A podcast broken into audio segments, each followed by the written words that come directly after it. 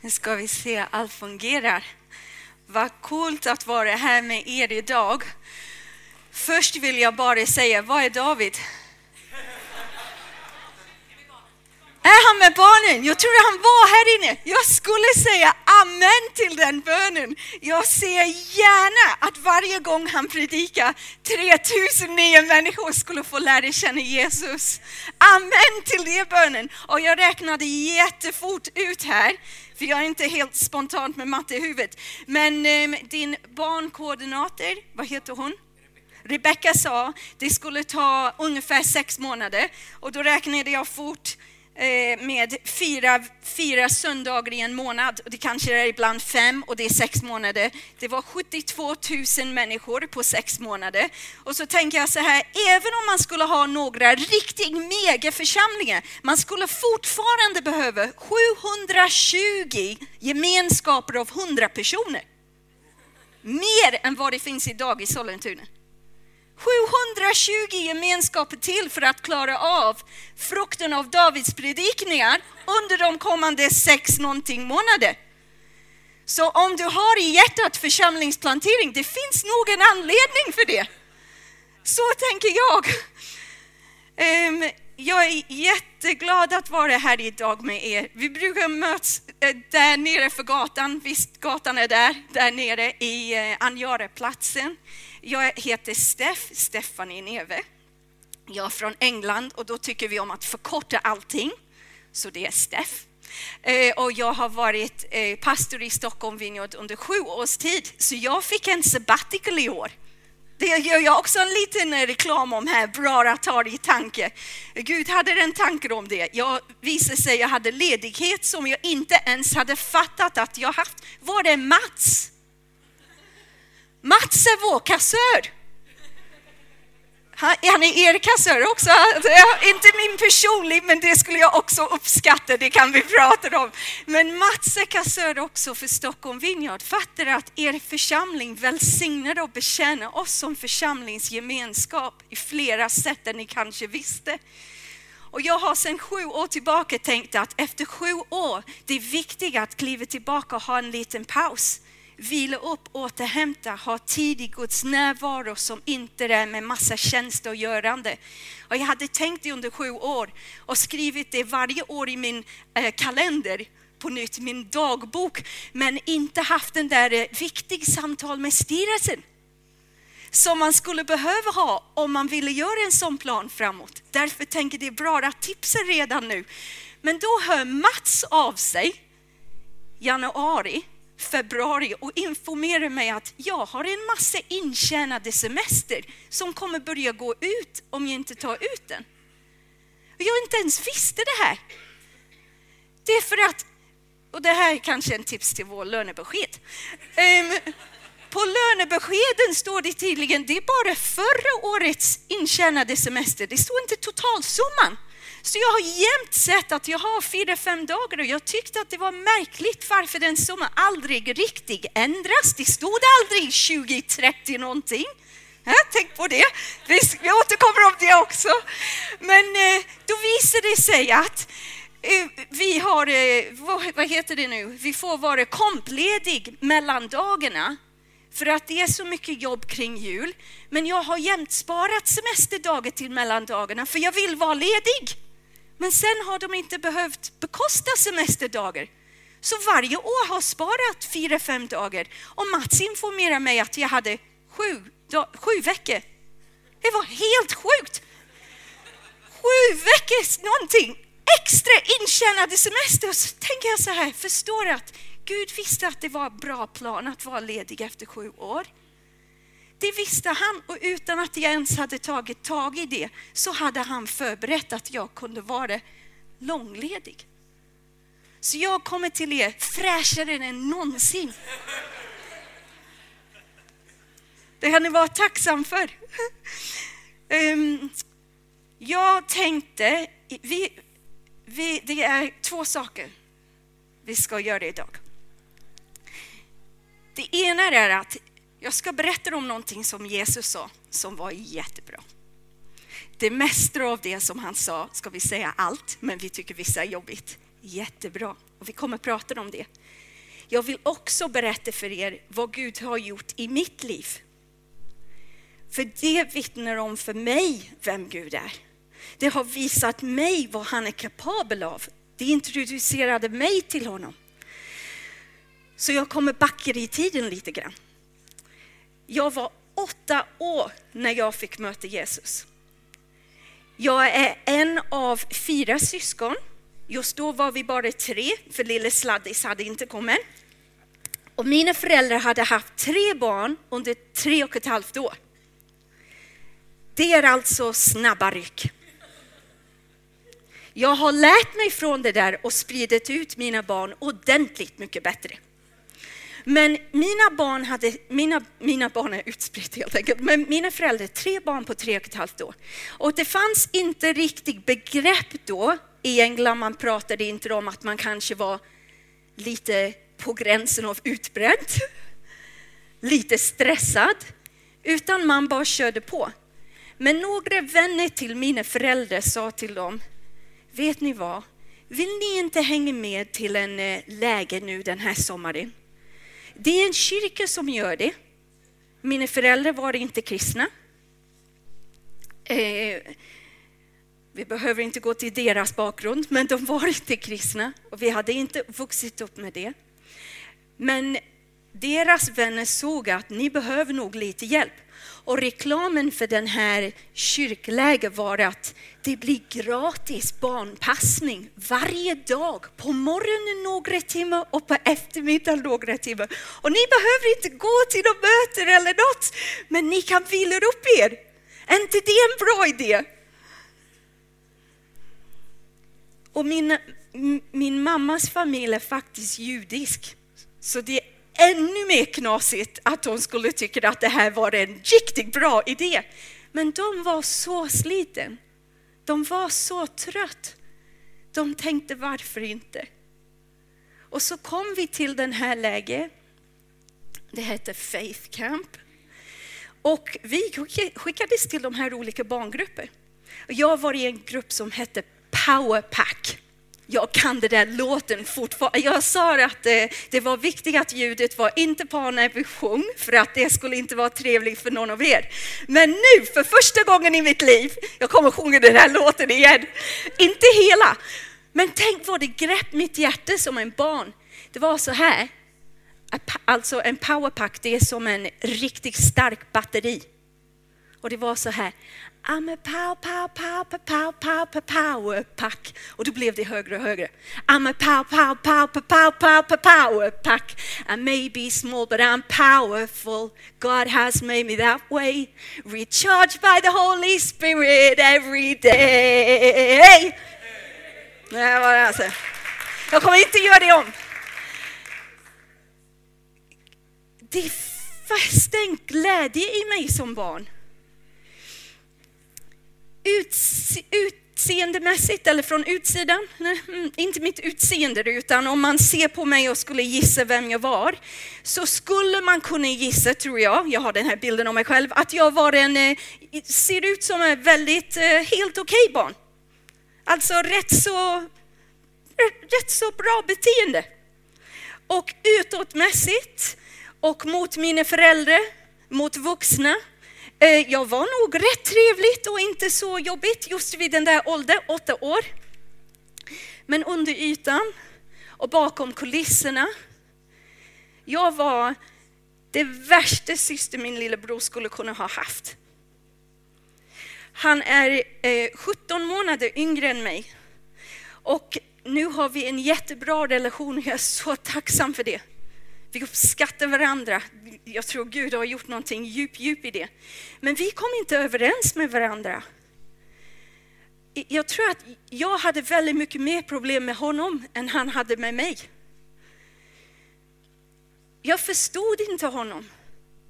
Och det var jämt att även när jag, hela mig som en åttaåring, jag ville vara en så god syster.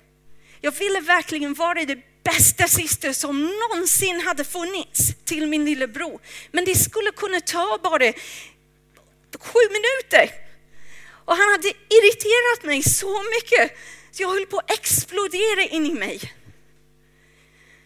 Och jag hade fattat och kommit på själv några sätt jag kunde göra för att han skulle fatta hur irriterande han var. Jag ignorerade honom.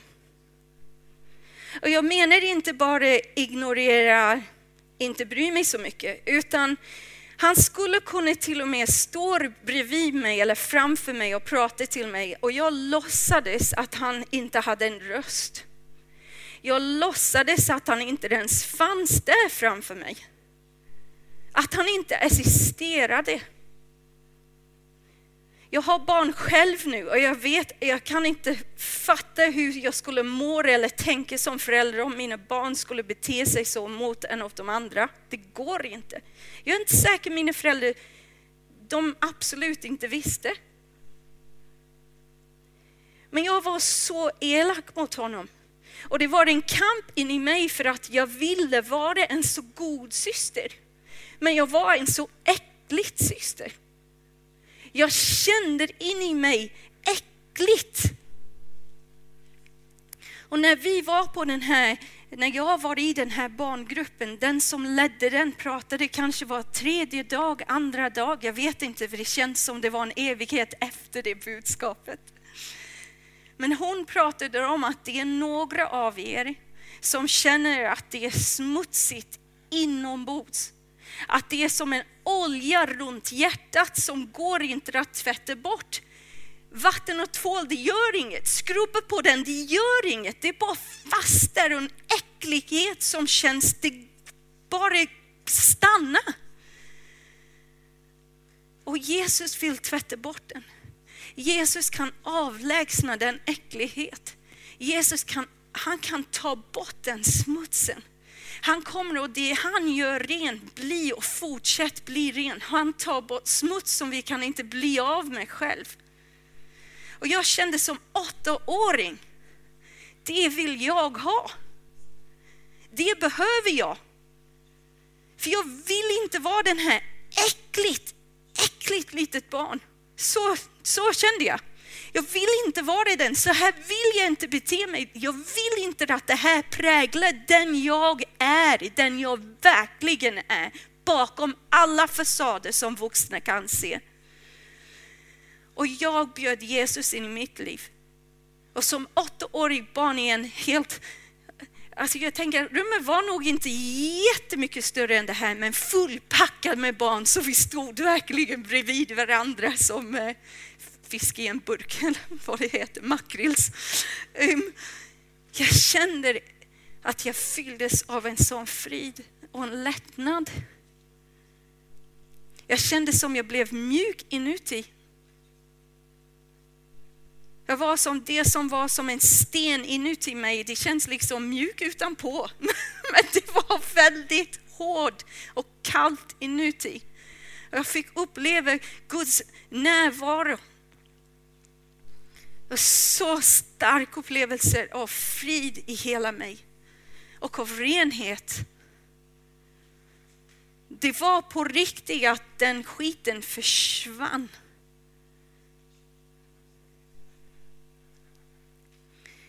Jag har stenkoll på hur det känns att vara åtta för att det här hänt när jag var åtta. Jag kommer inte riktigt ihåg hur det känns att vara sju, nio, tio, någonting. Men åtta, det har jag stenkoll på.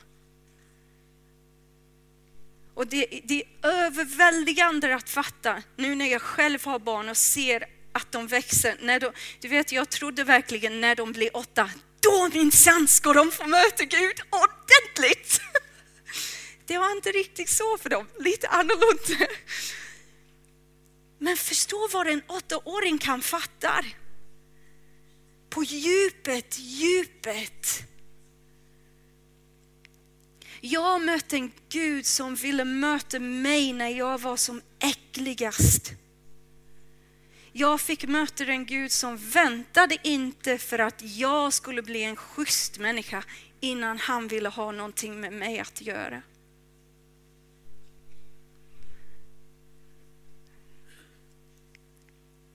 Bibeln berättar om en sån Gud.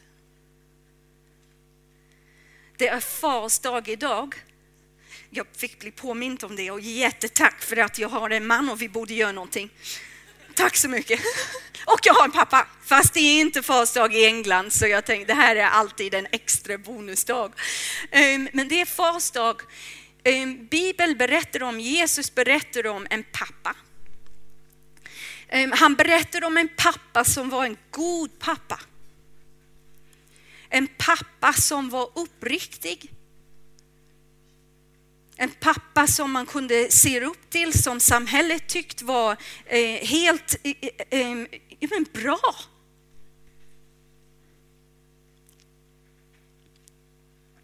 Den här pappa hade några barn.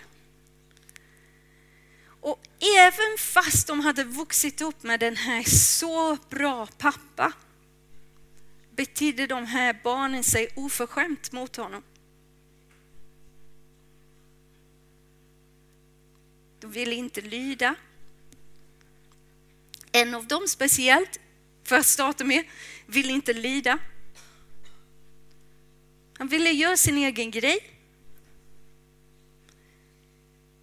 Och pappan som älskar, älskar, älskar. Han sa, jag, jag sätter dig fri. Jag låter dig vara, jag låter dig gå din egen väg. Jag försöker inte hindra dig, jag håller inte dig tillbaka. Du har en fri vilja. Och den pappa blev total utskämt. Jag kollade det ordet med Katte innan. utskämt. Det var en kultur där barn skulle lida sina föräldrar. Så konstigt att vi ens säger sådär, eller hur? Jag märkte när jag sa det, hoppsan, det är precis den kulturen jag vill ha hemma. Um, en kultur där barnen skulle lida, där man skulle stanna kvar, där man skulle ta hand om sina föräldrar. Men det här barnet gjorde inte det. Och pappan, låt barnet vara. Låt barnet bestämma. Låt barnet få friheten att utforska hur deras liv skulle se ut. Och det gick inte superbra. Och det här var uppenbarligen inte den pappa, inte den förälder som satt där och sa hm, se vad jag sa. I told you so. Nej. Det var en pappa som bara längtade efter sitt barn. Som längtade, längtade efter att kunna uttrycka kärlek till sitt barn igen. Att kunna ha, omfamna barnen. Berätta för barnen igen vem de är och har alltid varit. Det här är en kultur där föräldrar inte springer. Där pappor inte springer. Men det här är en berättelse när barnen återkommer till sin familj. Där pappan springer mot den. Det har blivit respektlöst behandlat av sitt barn och nu beter sig själv på ett sätt som också tar skam på sig själv. Genom att så uppenbart uttrycka kärlek på det här sättet. Ta skam på sig själv. Och då har vi en till barn som tycker att det är så jobbigt att pappan beter sig så här. Den andra barnen är inte ens jätteutskämt av det första barnet utan utskämt av pappan. Och beter sig respektlöst då att inte lider pappan då heller. Det här är en pappa som springer mot oss. Han springer mot oss när vi är som äckligast. Han springer mot oss när vi har gjort saker fel igen och igen och igen och där vi har tagit vår frihet och bara förvridit det. När vi har tagit friheten och bindat oss själva i all möjlig form av slaveri som vi kunde hitta på. Alla möjliga beroende. Alla möjliga maktmissbruk, alla möjliga förstörning, alla möjlig själviskhet.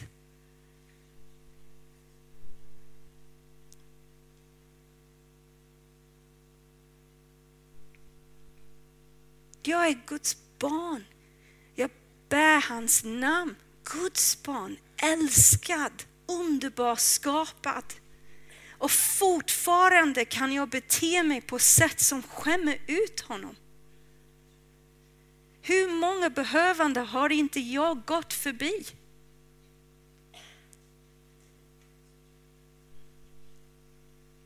Han är pappa som springer mot oss. Vi ska läsa det här från Lukas. Det är Lukas evangeliet kapitel 15 och verserna 11 till 32. Jag låter er som översätta plocka fram det. Vidare sade han, Jesus alltså, en man hade två söner. Den yngre av dem sade till sin far, Far, ge mig den del av förmögenheten som ska bli min. Då delade han sin egendom mellan dem. Några dagar senare packade den yngre sonen ihop allt sitt och reste långt bort till ett främmande land. Där levde han hämningslöst och slösade bort sin förmögenhet. När han hade gjort slut på allt drabbades det landet av en svår svält och han började lida nöd.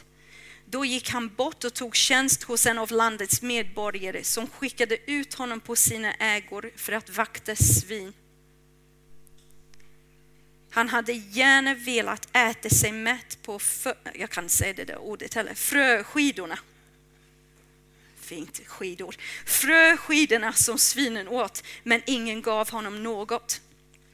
Då kom han till besinningen och sade, hur många arbetare hos min far har inte mat i överflöd och här svälter jag ihjäl.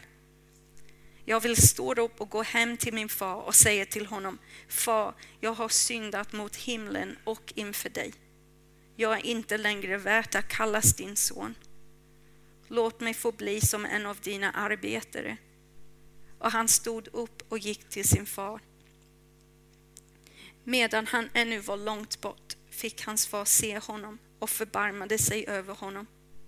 Fadern skynde fram, omfamnade honom och kysste honom.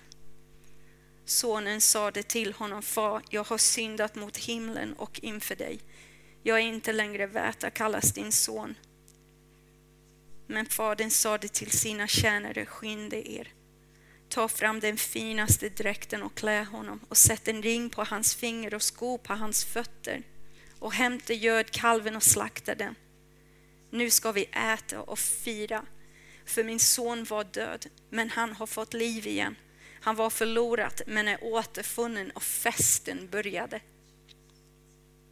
Men hans äldre son var ute på fälten. När han nu kom och närmade sig gården fick han höra musik och dans.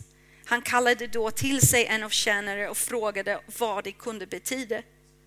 Tjänaren svarade, din bror har kommit hem och din far har slaktat gödkalven eftersom han fått, tillbaka, fått honom till, välbehållen tillbaka.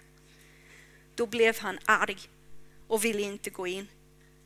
Hans far kom ut och försökte övertala honom, men han svarade sin far, här har jag slavat för dig alla dessa år och aldrig gått emot ditt ord och mig har du aldrig gett ens en killing så att jag kunde fira med mina vänner.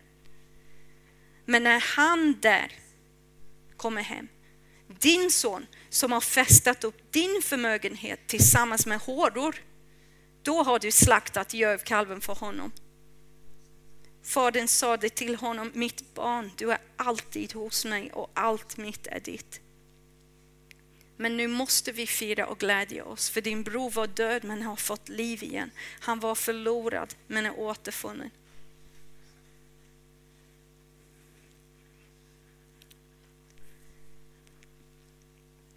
Man kan läsa den här texten på så många olika vinklar. Den förlorade sonen och den goda nyheten av fadern som springer mot honom. Den goda fadern som väntar och väntar och iakttar och hoppas och längtar och springer mot oss och omfamnar oss, sätter finger på, ring på vår fingersko på våra fötter, en mantel runt våra axlar. Man kan läsa det som den gode äldre sonen som trodde han gör allting rätt men är så fly förbannad när det som inte var bra blir firad och välkomnat tillbaka. Och egentligen den här texten och de två som är innan, tre liknelser i rad, där egentligen den fråga som Jesus adresserar är att skriftlärdarna undrar varför han festar så mycket. Varför han håller på att umgås så mycket med skatt, tullindrivare och eh, laglösa. Och han vill förklara för dem varför han festar. Varför han är glad. Han beskriver om den eh, fåret som gått förlorat, en peng som eh, försvann och sen den här sonen. Och han beskriver varför han firar, varför för hela himlen firar.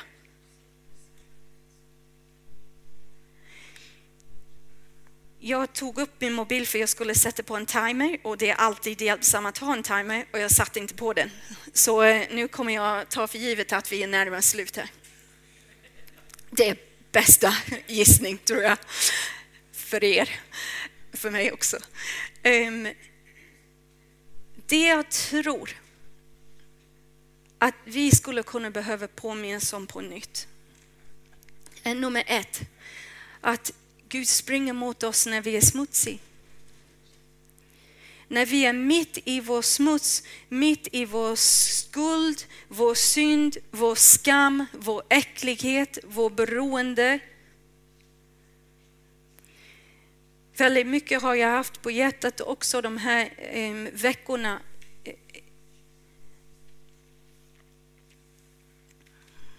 när det gäller olika beroende och när det gäller porrberoende. Det är mitt i det äckliga, mitt i det som man vet är inte okej, okay, som är fel, som Jesus vill umgås med oss. Han väntar inte för att vi har klarat av allting, löst allting. Han väntar inte för att dina skulder är betalt.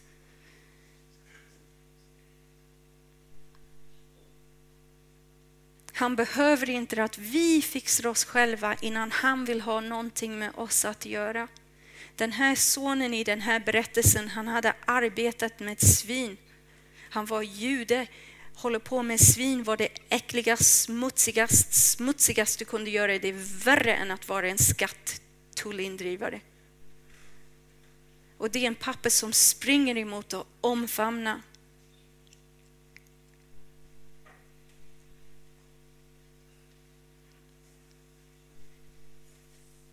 Det andra jag tror vi behöver bli påminta om är att festa.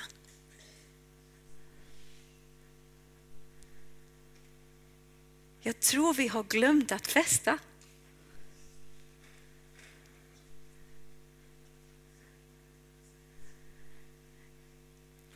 Jag tror vi har glömt att allt Gud har är tillgängligt för oss. Att allt han har säger han det är ditt.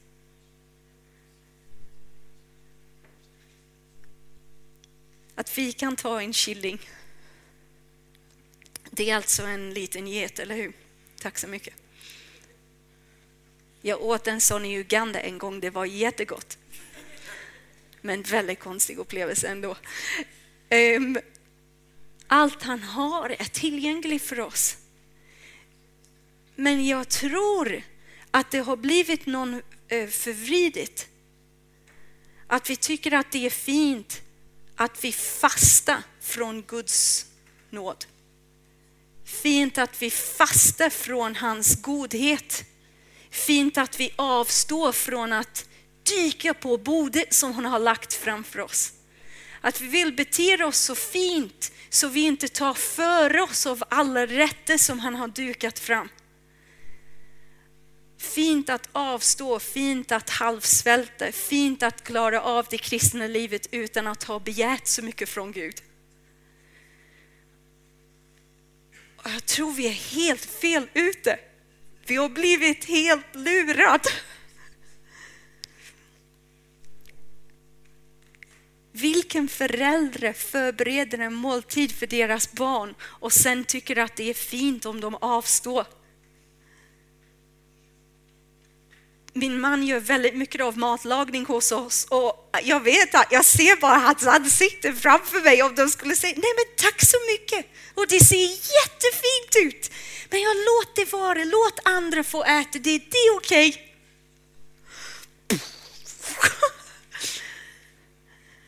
Gud har förberett en hel måltid för oss. Ni vet vad det är, ni har smakat det. Ni har smakat hans godhet. Ni har smakat hans förlåtelse. Ni har smakat på hans nåd, hans omsorg, hans närvaro, bönesvar, helande. Ni har smakat på att han är klippan som inte rubbas. Ni har smakat på att han är stillheten mitt i stormen. Ni har smakat på hans närvaro.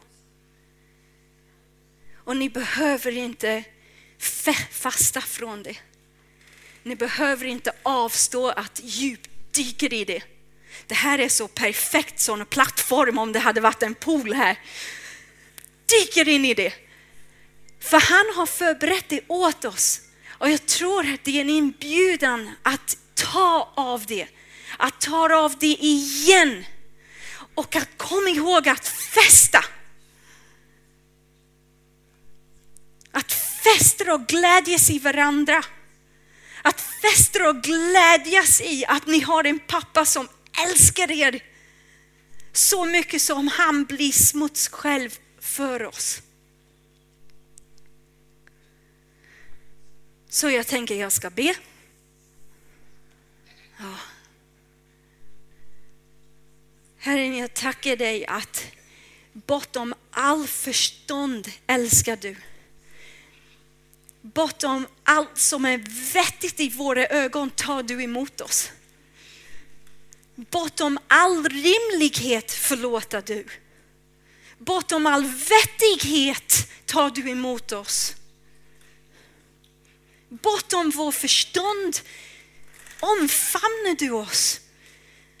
Bortom fattbarheten firar du oss. Varför skulle du fira oss? Men du älskar oss. Du gav dig själv för oss. Du väntar för oss och du längtar efter oss. Du hoppas för oss. Hopp som inte slutar. Längtan som inte avtar. Jag tackar dig pappa att oavsett vad som håller på att hända i våra liv just nu och vad som har hänt, oavsett vad vi står fast i eller har stått fast i. Omfamnar du oss med dina egna armar. Du skickar inte ut någon annan som ska ta emot oss, du tar emot oss själv. Och du har utstått skam för oss. Vi har skämt ut dig igen och igen och igen och du skämdes ut ordentligt på korset. Du skämdes ut naken och du skämdes ut piskad. Du skämdes ut när du fick dra en kors bakom dig som inte ens gick att bära.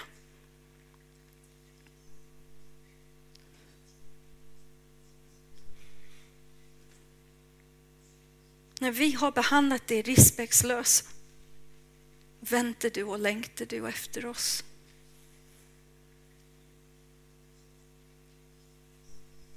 Och när du har förberett den här måltid för oss, vi har avstått att ta ifrån dig. Vi har avstått Herren och vi är ledsna. Vi är ledsna, vi har sagt nej tack till nåden som är en gigantisk skål som går att hoppa i. Vi är ledsna att vi har sagt nej tack till djupgående frid i alla områden i våra liv, inte bara i det en område där vi upplevde det sist. Vi är ledsna pappa att vi har avstått från att vara fullt i din närvaro 24-7.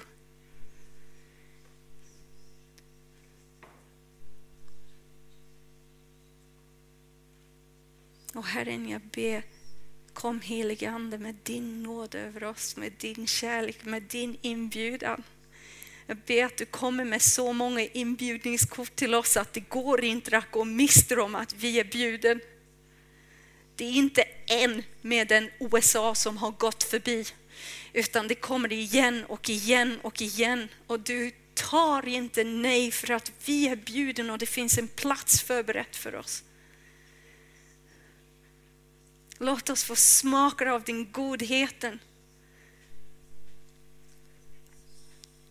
Låt oss få komma ihåg att det är rätt att fira. Att det är rätt att festa. Att det är rätt att känna uppriktig glädje. Att det är rätt att fira när Davids nästa 3000 kommer till tro. Oavsett hur smutsig de var när de hörde det att det är rätt att fira att den som sitter bredvid oss kliver in i mer och mer och mer frihet och mer av din nåd och mer kunskap om dig. Låt oss fira och se varandra hur mycket vi har växt när vi har gått bredvid dig, hur mycket har förvandlats i våra liv. Låt oss fyllas med glädje över det som himlen glädjer sig över. Låt himlens glädje rocka loss över oss. Vi är din kropp, vi är din församling, vi är din gemenskap. Vi är din. Låt den du är definiera oss. Låt det du gör definiera oss. Låt det du säger definiera oss.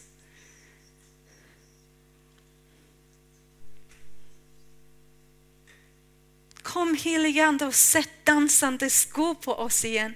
Jag upplever att det är några speciellt av ni som är äldre än mig.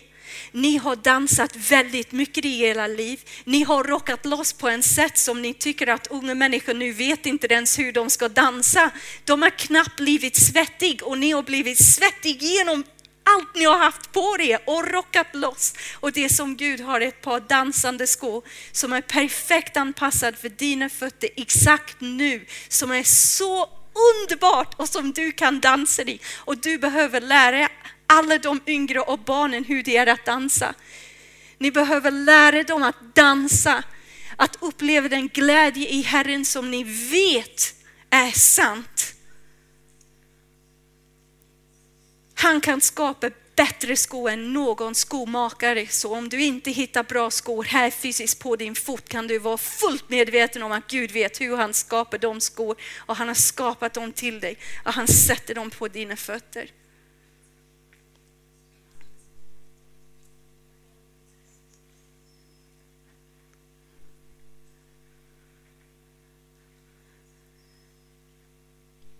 Be Herren att vi blir som mjuk lera i din hand. Mjuk, mjuk lera som går att formas med dina tummor, med dina händer. Kom heligande med ett regn som gör oss mjuk. Med vatten som gör oss mjuk. Tack för dina händer som tar emot oss med sån omsorg. Med så mycket kärlek. Forma de detaljer du vill forma. Du har skapat oss var och en unik. Din fingertryck i våra liv är unik. Vi liknar vår pappa på massa olika sätt. Massa olika sätt. Vi liknar dig Herre. Jag ber att den likhet skinner från varje människa. Skinner från våra hjärta, skinner från vår uttal. Låt din fingertryck i våra liv skinner skinner.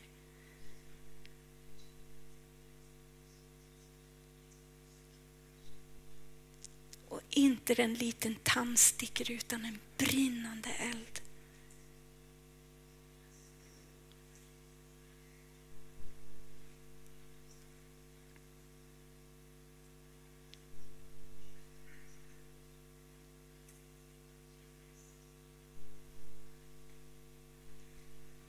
Och, och till de som är yngre.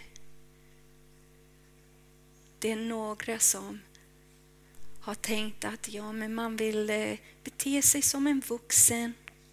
Det blir nog bra. Då får man lite cred. Föräldrar blir glad. Det är så man ska göra. Ja, ni har en pappa i himlen. En pappa i himlen. Och det är som han säger, efterlikna mig. Efterlikna mig. Titta på mig och efterlikna mig.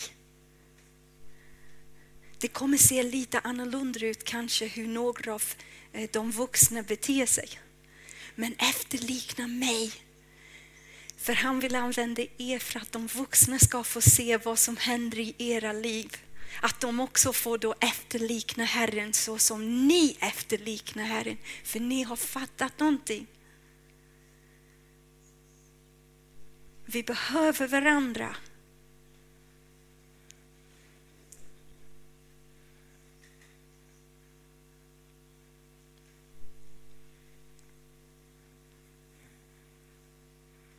Jag ska lämna över, för vet ni, Gud håller på, den helige Ande, han gör någonting och han är intresserad i att arbeta i kroppen, hela kroppen. Det han håller på att göra just nu kommer han fortsätta göra genom er som leder lovsång, genom er som leder bönen, genom samtal som händer i fikområdet där utanför. För det Herren gör, han gör i mer än en person.